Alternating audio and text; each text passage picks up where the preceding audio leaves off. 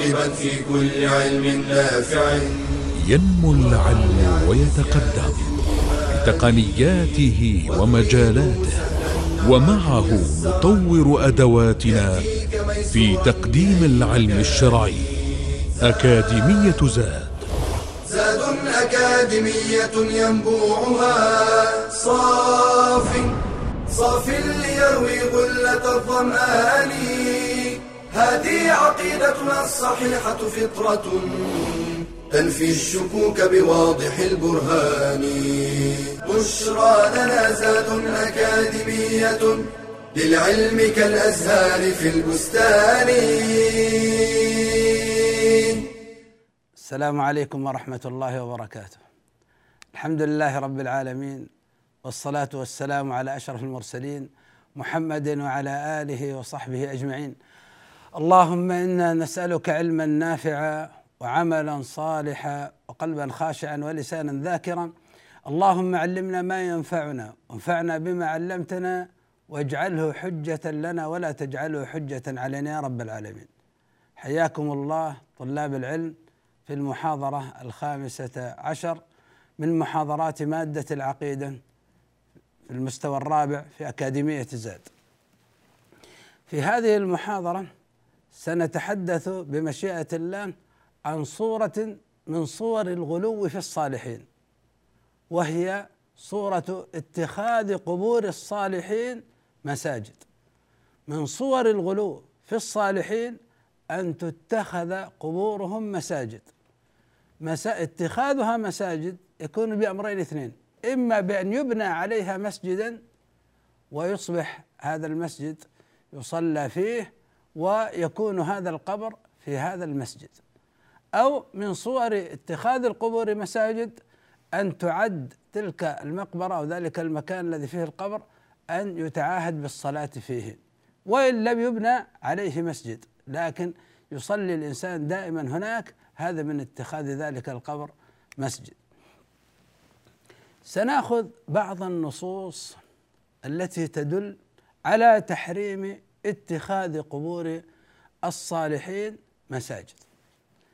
من ذلك ما ورد في الصحيح عن عائشة رضي الله تعالى عنها قالت أن أم سلمة رضي الله تعالى عنها ذكرت لرسول الله صلى الله عليه وسلم كنيسة رأتها بأرض الحبشة أي عندما كانت أم سلمة مع المهاجرين الذين هاجروا في بداية الأمر إلى الحبشة. فذكرت أنها رأت كنيسة وما فيها من الصور صور من؟ صور أولئك الصالحين في داخل تلك الكنيسة فقال النبي صلى الله عليه وسلم أولئك يقصد أولئك النصارى إذا مات فيهم الرجل الصالح أو العبد الصالح بنوا على قبره مسجدا أي هم يعظمون ذلك الرجل الصالح أو العبد الصالح ويغلون في تعظيمه يحبونه لكن يغلون في ذلك الحب. ومن الغلو في ذلك الرجل الصالح أو العبد الصالح إذا مات بنوا على قبره مسجدا وصوروا فيه تلك الصور. أولئك شرار الخلق عند الله. أولئك شرار الخلق عند الله. لاحظوا يا أخوان هم يظنون أنفسهم أنهم خير الخلق عند الله لأنهم يحبون أولياء الله ويحبون الصالحين ويحبون الأنبياء والرسل. والنبي صلى الله عليه وسلم يصفهم بأنهم شرار الخلق عند الله سبحانه وتعالى شرار الخلق عند الله. ما السبب؟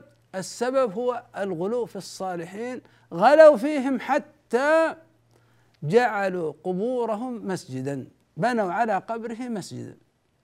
وجمعوا فتنة أخرى جعلوا تمثال له في داخل ذلك المسجد. فقال صلى الله عليه وسلم أولئك شرار الخلق عند الله. لا يوجد عاقل لا يوجد عاقل مسلم عاقل.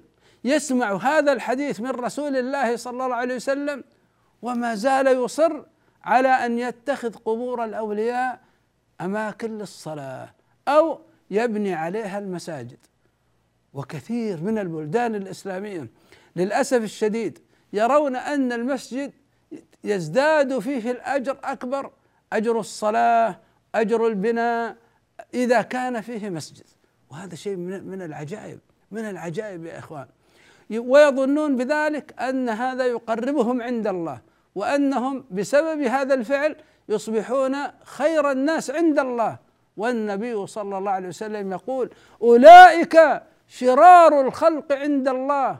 والله هذه اللفظة يا إخوان عندما يسمعها المؤمن بكلام الله وكلام رسوله يسمع قول النبي صلى الله عليه وسلم أن أولئك الذين يتخذون قبور الصالحين مساجد شرار الخلق عند الله. والله شيء مرعب يا إخوان شيء مرعب. يجعل الإنسان يخاف من مثل هذه الأفعال. وفي البخاري ومسلم عن عائشة رضي الله تعالى عنها أيضا قالت لما نزل برسول الله صلى الله عليه وسلم أي الموت طفق يطرح خميصة له على وجهه. فإذا اغتم بها صلى الله عليه وسلم كشفها يعني يغطي بها وجهه فإذا بدأ يضيق النفس عليه كشفها. فقال وهو كذلك يعني في سياق الموت لاحظوا. فقال وهو كذلك لعنة الله على اليهود والنصارى لعنة الله على اليهود والنصارى. اتخذوا قبور أنبيائهم مساجد. يحذر ما صنعوا. يعني هؤلاء اليهود والنصارى الذين اتخذوا قبور أنبيائهم مساجد يقول لعنة الله عليهم. ف ومن أجل ماذا النبي صلى الله عليه وسلم يقول هذا الحديث وهو في سكرات الموت؟ يحذر هذه الأمة أن تصنع كما صنعت اليهود والنصارى فتتخذ قبور أنبيائهم مساجد. تقول عائشة ولولا ذلك أبرز قبره يعني كان قبره خارج البيت غير أنه خشي أن أن يتخذ مسجدا. أيها الأحبة في الله هؤلاء الذين يبنون على القبور مساجد ملعونين ملعونين على لسان رسول الله صلى الله عليه وسلم. ما الفائدة؟ ما الفائدة؟ تأتي إلى قبر ثم تبني عليه مسجد وتستحق بذلك الدعاء عليك من رسول الله صلى الله عليه وسلم بأن يطردك الله ويبعدك عن رحمته. ما الفائدة من ذلك؟ أنت تريد القربة من الله ولا تريد البعد عن الله؟ تريد أن تنال رحمة الله ولا تريد أن تطرد عن رحمة الله؟ بهذا الفعل بالغلو في الصالحين ومن الغلو فيهم أن تتخذ قبورهم مساجد هذا الأمر سيكون سببا لأن تطرد وتبعد عن رحمة الله سبحانه وتعالى. ولمسلم عن جندب. ابن عبد الله قال سمعت رسول الله صلى الله عليه وسلم قبل أن يموت بخمس وهو يقول قبل الموت بخمس. هناك هو في سكرات الموت وهذا قبل أن يموت بخمسة أيام. وهو يقول إني أبرأ إلى الله أن يكون لي منكم خليل. فإن الله قد اتخذني خليلا كما اتخذ إبراهيم خليلا. فرسولنا صلى الله عليه وسلم خليل الرحمن أيضا. كما أن إبراهيم عليه السلام خليل الرحمن. رسولنا صلى الله عليه وسلم خليل الرحمن. ويقول ولو كنت متخذا من أمتي خليلا لاتخذت أبا بكر خليلا. وهذا يبين منزلة أبي بكر رضي الله عنه عند رسول الله صلى الله عليه وسلم.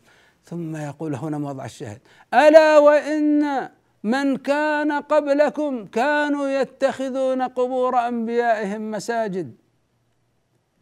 ألا فلا تتخذوا القبور مساجد. ألا فلا تتخذوا القبور مساجد. فإني أنهاكم عن ذلك. هذا رسولنا صلى الله عليه وسلم نهى عن اتخاذ القبور مساجد في آخر حياته قبل أن يموت بخمسة أيام. هذه واحد. وهو في سياق الموت يلعن. من فعل ذلك؟ والصلاة أيها الأحبة عند القبور من ذلك.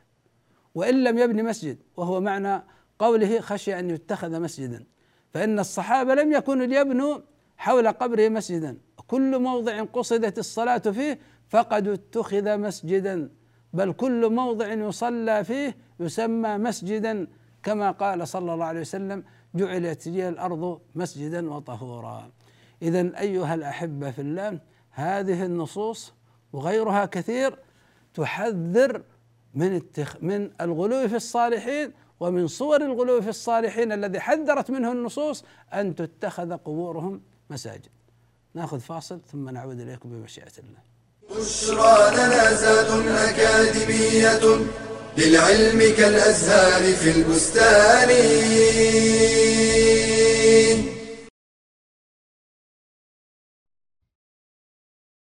للإيمان أركان لا يتم إلا بها فإذا سقط منها ركن لم يكن الإنسان مؤمنا وهي ستة.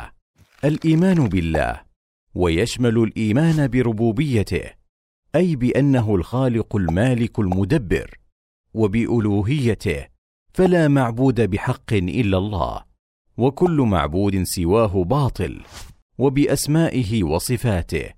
فله الأسماء الحسنى والصفات العليا ونؤمن بالملائكة وأنهم مخلوقون من النور وأنهم عابدون لله مطيعون. ومن عنده لا يستكبرون عن عبادته ولا يستحسرون. يسبحون الليل والنهار لا يفترون. ولهم أعمال كلفوا بها. فجبريل موكل بالوحي وميكائيل بالمطر والنبات وإسرافيل بالنفخ في الصور ونؤمن بالكتب. أنزلها الله على رسله حجة على العالمين ومحجة للعاملين. قال تعالى لقد أرسلنا رسلنا بالبينات وأنزلنا معهم الكتاب والميزان ليقوم الناس بالقسط. ومنها التوراة والإنجيل والزبور وصحف إبراهيم وموسى وأعظمها وخاتمها القرآن العظيم. وأنزلنا اليك الكتاب بالحق مصدقا لما بين يديه من الكتاب ومهيمنا عليه. ونؤمن باليوم الآخر وهو يوم القيامة. ونؤمن بما فيه من البعث والحشر وصحائف الأعمال والميزان. والحساب والصراط والحوض والشفاعة والجنة والنار. ونؤمن بالقدر خيره وشره. وهو تقدير الله تعالى للكائنات حسب ما سبق به علمه واقتضته حكمته وله أربع مراتب العلم والكتابة والمشيئة والخلق. فثبت إيمانك بالعلم والعمل واحذر من شبهات المشككين. ربنا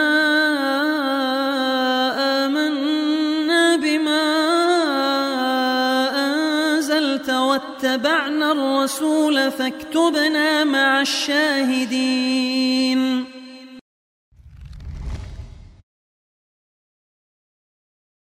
بشرى لنا زاد أكاديمية للعلم كالأزهار في البستان. حياكم الله أيها الأحبة. آه ذكرنا ثلاثة نصوص تحذر من اتخاذ القبور مساجد. أيضا لدينا نص رابع في هذا الدرس آه أخرجه الإمام أحمد بسنده عن ابن مسعود رضي الله تعالى عنه قال قال رسول الله صلى الله عليه وسلم إن من شرار الناس إن من شرار الناس من تدركهم الساعة وهم أحياء والذين يتخذون القبور مساجد. الذين يتخذون القبور مساجد يصفهم النبي صلى الله عليه وسلم بانهم بأنهم شرار الناس. هناك في الحديث الأول وصفهم بأنهم شرار الخلق عند الله وهنا يصفهم بأنهم شرار الناس. أيها الأحبة في الله من هذه النصوص يتبين لنا أن الشرع يغلظ على من اتخذ القبور مساجد. يحرم ذلك تحريما مغلظا. فيصف الفاعلين بأنهم شرار الخلق عند الله. وهؤلاء الذين يبنون على القبور مساجد ملعونين على لسان رسول الله صلى الله عليه وسلم.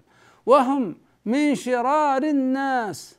والنبي صلى الله عليه وسلم قد نهى عن اتخاذ القبور مساجد في آخر حياته فهذا أمر محرم وتحريمه تحريما مغلظا.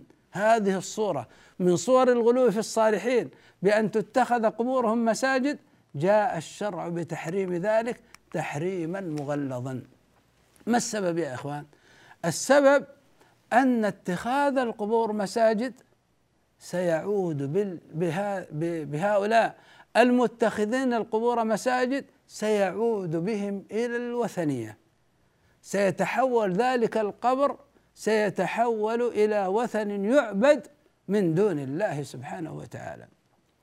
روى الإمام مالك في موطئه أن رسول الله صلى الله عليه وسلم قال اللهم لا تجعل قبري وثنا يعبد.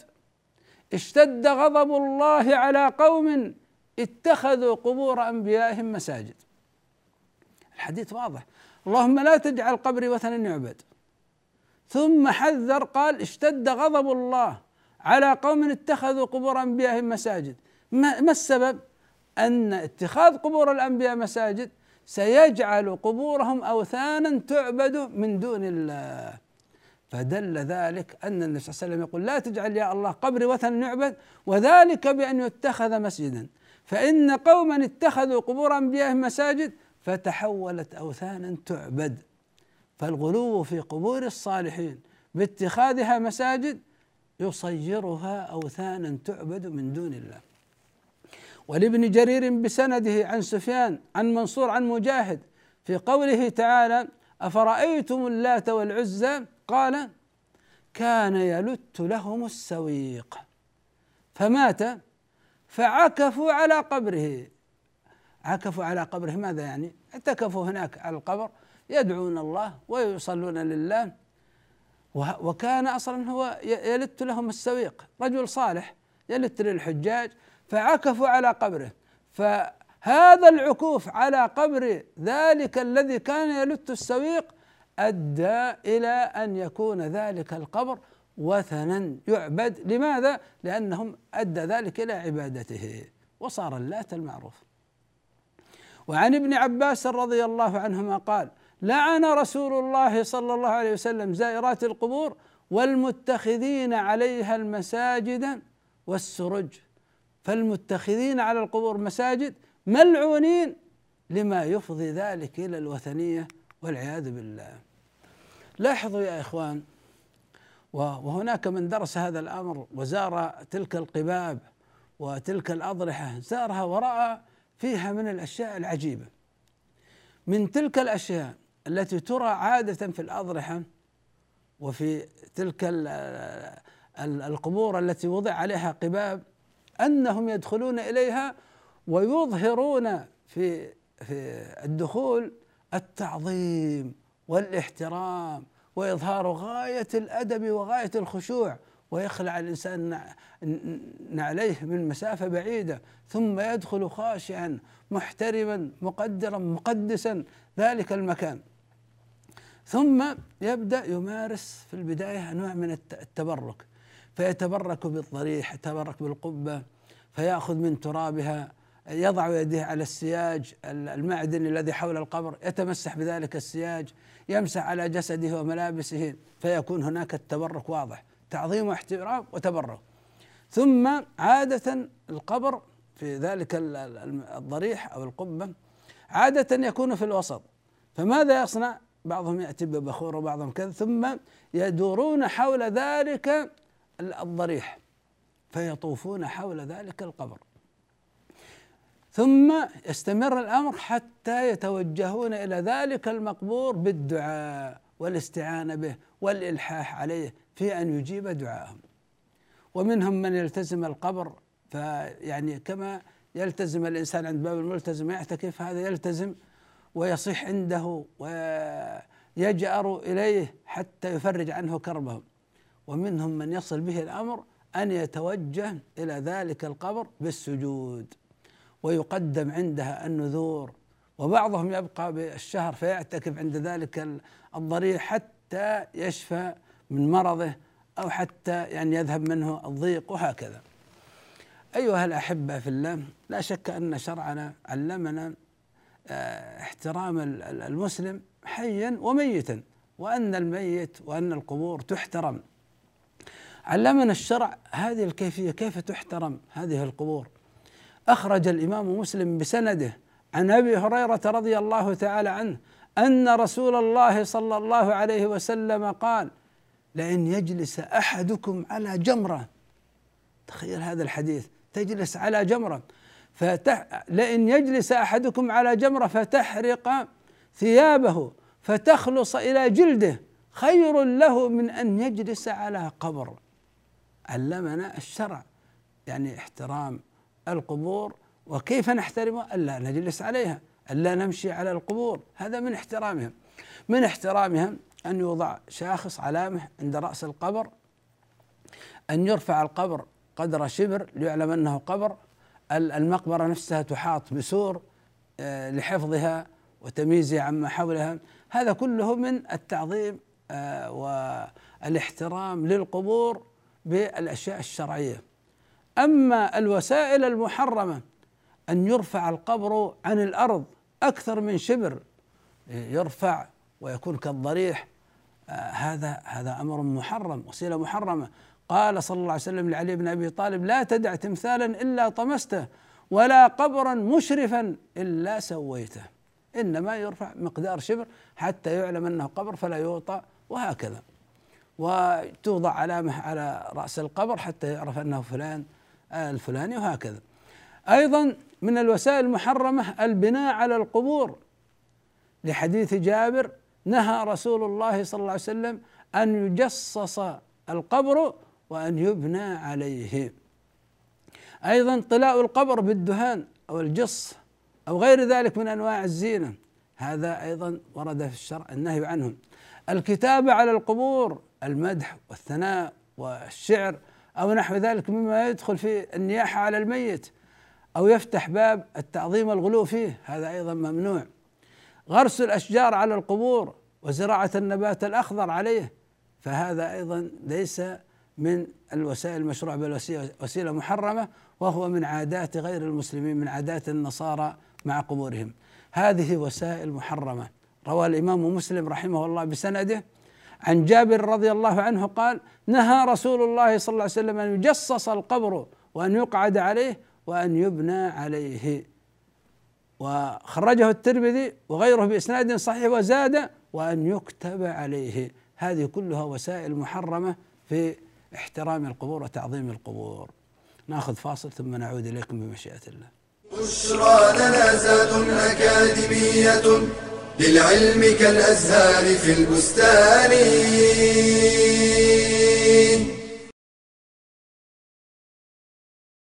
هل كرم المرأة أحد مثل ما كرمها الإسلام؟ فالنساء شقائق الرجال وإنما خصت المرأة ببعض الأحكام كإعفائها من الجمع والجماعات مراعاة لأنوثتها لا تحقيرا لها فللمرأة حقها في التعليم وقد خصص النبي صلى الله عليه وسلم درسا لتعليم النساء ولا يمنعها الحياء من طلب العلم قالت عائشة رضي الله عنها نعم النساء نساء الأنصار لم يكن يمنعهن الحياء أن يتفقهن في الدين. والتعليم حق للمرأة على أبيها وزوجها. عن علي بن أبي طالب في قوله تعالى يا أيها الذين آمنوا أنفسكم وأهليكم نارا وقودها الناس والحجارة. قال علموهم وأدبوهم وتعلم المرأة زوجها إن كانت أعلم منه. قال النبي صلى الله عليه وسلم لأبي رافع حين علمته زوجته بعض الأحكام يا أبا رافع إنها لم تأمرك إلا بخير. والتاريخ الإسلامي زاخر بالنساء العالمات المعلمات. كعائشة أم المؤمنين. قال عطاء بن أبي رباح كانت عائشة أفقه الناس وأعلم الناس وأحسن الناس رايا في العامة. ومنهن عمرة بنت عبد الرحمن الأنصارية وحفصة بنت سيرين البصرية وفاطمة بنت عباس البغدادية. فتعلمي واعملي وأبشري. قال تعالى ومن يعمل من الصالحات من ذكر أو أنثى وهو مؤمن فأولئك يدخلون الجنة ولا يظلمون نقيرا بشرى لنا زاد أكاديمية للعلم كالأزهار في البستان. حياكم الله أيها الأحبة آه، أيضا من صور الغلو في قبور الصالحين أن تشد لها الرحال أن يسافر الإنسان إلى إلى ذلك القبر في ذلك البلد من أجل أن يزور ذلك القبر. هذا من الغلو. وهذا نهى عنه الشرع. فعن ففي البخاري ومسلم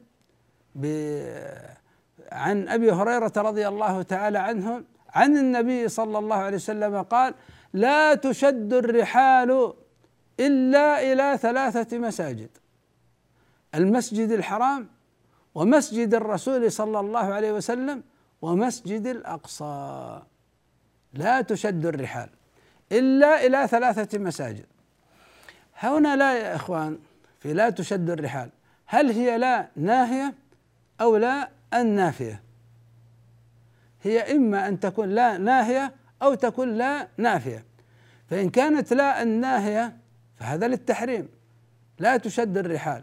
فمن شد الرحال لغير تلك المساجد الثلاثة من أجل التعبد لله فشد الرحال من أجل أن يزور ذلك القبر تعبدا لله وهنا قال لا تشد فهذا وتكون لا بمعنى النهي فيكون شد الرحل من أجل زيارة القبور محرم. ويكون هذا التحريم شاملا لقبر الأولياء والصالحين والأقارب وقبر النبي صلى الله عليه وسلم. فلا تشد الرحال في زيارة القبور سواء في ذلك قبر النبي صلى الله عليه وسلم أو قبر غيره. فتكون هنا لا الناهيه ويكون هذا النهي يدل على التحريم. وإذا كانت نافية لا تشد الرحال بمعنى نفي أن أن الإنسان يشد الرحال لغير تلك المساجد فيكون هذا النفي نفي للاستحباب فلا يوجد أي فضيلة في شد الرحل من أجل زيارة القبور ليس فيها أي فضيلة. فصار سواء ناهيه أو ناهية أو نافية فصار هناك إجماع من أهل العلم على عدم استحباب شد شد الرحل من أجل زيارة القبور. فإذا كانت نافية يعني لا فضيلة وإذا كانت ناهيه فهي محرم. اذا الأمر يدور بين أمرين شد الرحل لزيارة القبور عموما وقبر النبي صلى الله عليه وسلم أيضا من تلك القبور. شد الرحل من أجل تلك الزيارة للقبور لا فضيلة فيه. فإذا قلنا لا ناهية ويكون هذا الأمر محرم. فمن اعتقد أن السفر لزيارة القبور قربة وعبادة وطاعة فقد خالف الإجماع لأن الإجماع أنه ما فيها ما فيها فضيلة. وإذا سافر لاعتقاده أن ذلك طاعة كان ذلك محرما بالإجماع. محرم إذا كنت تعتقد أن سفرك هذه عبادة وطاعة وفضيلة ولا يوجد نص فهذا يصبح يعني هذا مخالف للإجماع وأيضا هذا الفعل منه محرم بالإجماع. يا إخوان ننتبه إلى بعض الغلطات التي تحدث في مثل هذا الموضوع. من تلك المغالطات أنه يخلط بين النهي عن شد الرحل من أجل زيارة القبر وعن النهي عن زيارة القبر. هل بينهما فرق؟ الذي يقول لا تزور القبور هذا الذي ينهى عن زيارة القبر هذا يخالف أحاديث النبي صلى الله عليه وسلم ويخالف ما هو معلوم من الدين بالضرورة. النبي صلى الله عليه وسلم قال لا إني كنت نهيتكم عن زيارة القبور ألا فزوروها فإنها تذكركم الآخرة. فيأتي شخص يقول عندما يسمع شخص ينهى عن شد الرحل لزيارة القبر يقول انظروا فلان يحرم زيارة القبور. فيخلط على الناس ويلبس عليهم. ذاك ينهى عن السفر من أجل زيارة القبور؟ وهذا يقول انظروا ينهى عن زيارة القبور وهو لم ينهى عن ذلك. هل زيارة قبر النبي صلى الله عليه وسلم محرم؟ أحد ينهى عن ذلك؟ ما أحد ينهى عن ذلك. إنما النهي عن شد الرحل. فلو شد الرحل من أجل أن يصلي في مسجد النبي صلى الله عليه وسلم وزار قبر النبي صلى الله عليه وسلم هذا خير. وهناك من يلبس عندما يعني ينهى عن الزيارة البدعية للقبور ينهى عن الزيارة التي يكون فيها البدع للقبور فيقول انظروا ينهى عن زيارة القبور. فيخلط بين النهي عن الزيارة البدعية والزيارة الشرعية ويخلط النهي عن شد الرحل لزيارة القبور بزيارة القبور. ويست ثم يبني على ذلك استنتاج بأن هؤلاء الذين ينهون عن شد الرحل لزيارة القبور والذين ينهون عن ما يفعل عند القبور من الأمور المحرمة والبدعية يستنتجون من ذلك أن هؤلاء لا يحبون رسول الله صلى الله عليه وسلم ولا يحبون الأولياء ولا يحبون الصالحين وهذا كله من التلبيس على الناس كله من التلبيس على الناس. شخص ينهى عما نهى عنه رسول الله لا تشد الرحال إلا إلى ثلاثة مساجد. وشخص ينهى عن أن آه، يقام في تلك الزيارة للقبر الأمور المحرمة والبدعية ثم يقولون هذا لا يعظم الأولياء ولا يعظم رسول الله صلى الله عليه وسلم. أيها الأحبة في الله زيارة القبور. زيارة القبور على قسمين. إما زيارة بشد رحل أو زيارة بدون شد رحل فإذا كانت الزيارة للقبر بشد رحل فهذه الزيارة ممنوعة انتهينا من هذه وإذا كانت بدون شد رحل فهي تنقسم إلى قسمين زيارة مشروعة وزيارة مش ممنوعة.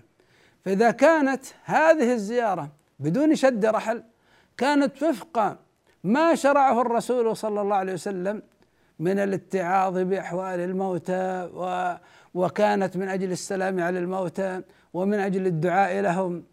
ففعل ما شرع لنا أن نفعله عند القبور. هذا سمى زيارة؟ مشروعة. أما الزيارة الممنوعة هي ما كان فيها مخالفة لهدي الرسول صلى الله عليه وسلم وهو ما يكون القصد فيها الانتفاع من الموتى. لا نفع الموتى إنما الانتفاع من الموتى. هذه الزيارة الممنوعة منها ما هو شرك أكبر ومنها ما هو شرك أصغر. إذا كان هذا الإنسان يأتي إلى قبور الصالحين ويزورها من أجل أن ينتفع بها فيتوجه لهؤلاء المقبورين يتوجه إليهم بالدعاء والاستغاثة والتضرع والذبح والنذر وإن لم يعتقد فيهم أنهم يخلقون أنهم يملكون أنهم يرزقون أنهم يدبرون لكن يصرف لهم انواعا من أنواع العبادة. من الدعاء والاستغاثة وطلب الاستعاذه والعوذ والالتجاء والتحرز بهم آه، ويذبح لهم ينذر لهم. هذا شرك أكبر لأنه حول ذلك القبر إلى وثن يعبد من دون الله. أما إذا كان الطلب من الله فهو قصد تلك البقعة. قد أوقع الشيطان في نفسه ولا لا يوجد نص. أوقع الشيطان في نفسه أن الدعاء عند ذلك القبر والصلاة لله عند ذلك القبر فيدعو الله مخلصا ويطلب من الله لا يطلب من الميت ويصلي لله مخلصا لله سبحانه وتعالى. لكنه يعتقد أن ذلك المكان مكان مبارك وسبب لإجابة الدعاء وسبب لقبول الصلاة وسبب لقبول الاستغفار ونحو ذلك هذا وقع في أمر محرم وقع في شرك أصغر لأنه قد يجاب تجاب دعوته. فماذا يصنع؟ يظن أن ذلك الولي قد قد له دور في قبول الدعوة فيتوجه المرة الثانية يتوجه بالدعاء إليه فيقع في الوثنية ويقع في الشرك عياذا بالله. فهذه أنواع زيارة القبور. بدون شد بشد رحل هذا محرم. بدون شد رحل تنقسم إلى زيارة مشروعة إذا أتى بها أتى فيها بالمشروع. وزيارة ممنوعة إذا كان هدفها الانتفاع بالموتى. وإذا كان هدفهم الانتفاع بالموتى بدعائهم والاستغاثة بهم هذا شرك أكبر. وإذا كان فقط يعتقد أن تلك البقعة بقعة مباركة فهذا يعتبر شرك أصغر. نلخص ونقول ما يفعل عند القبور أمران اثنان. إما مشروع وهو ما شرعه الشارع من زيارة القبور على الوجه الشرعي من غير شد رحل هذا أمر مشروع. أو ممنوع منها منه ما هو محرم كالتمسح بتلك المقابر التوسل الله بأهلها الصلاة عندها والبناء عليها الغلو فيها وفي أهلها وإذا بشرط أنه لم يبلغ رتبة العبادة. هذا فعل محرم شرك أصغر. أو ممنوع وهو نوع من الشرك الأكبر دعاء أهل القبور والاستغاثه بهم وطلب الحوائج الدنيوية والأخروية منهم. أسأل الله سبحانه وتعالى بأسمائه الحسنى وصفاته العلى أن يجعلنا جميعا من أهل التوحيد الخالص وأن يرد جميع المسلمين إلى الله ردا جميلا. وصلى الله وسلم وبارك على عبده ورسوله محمد وجزاكم الله خيرا. يا راغبا في كل علم نافع. ينمو العلم ويتقدم بتقنياته ومجالاته ومعه نطور أدواتنا في تقديم العلم الشرعي. أكاديمية زاد. زاد أكاديمية ينبوعها صاف صاف ليروي غلة الظمآن. هذه عقيدتنا الصحيحة فطرة. تنفي الشكوك بواضح البرهان. بشرى لنا زاد أكاديمية للعلم كالأزهار في البستان.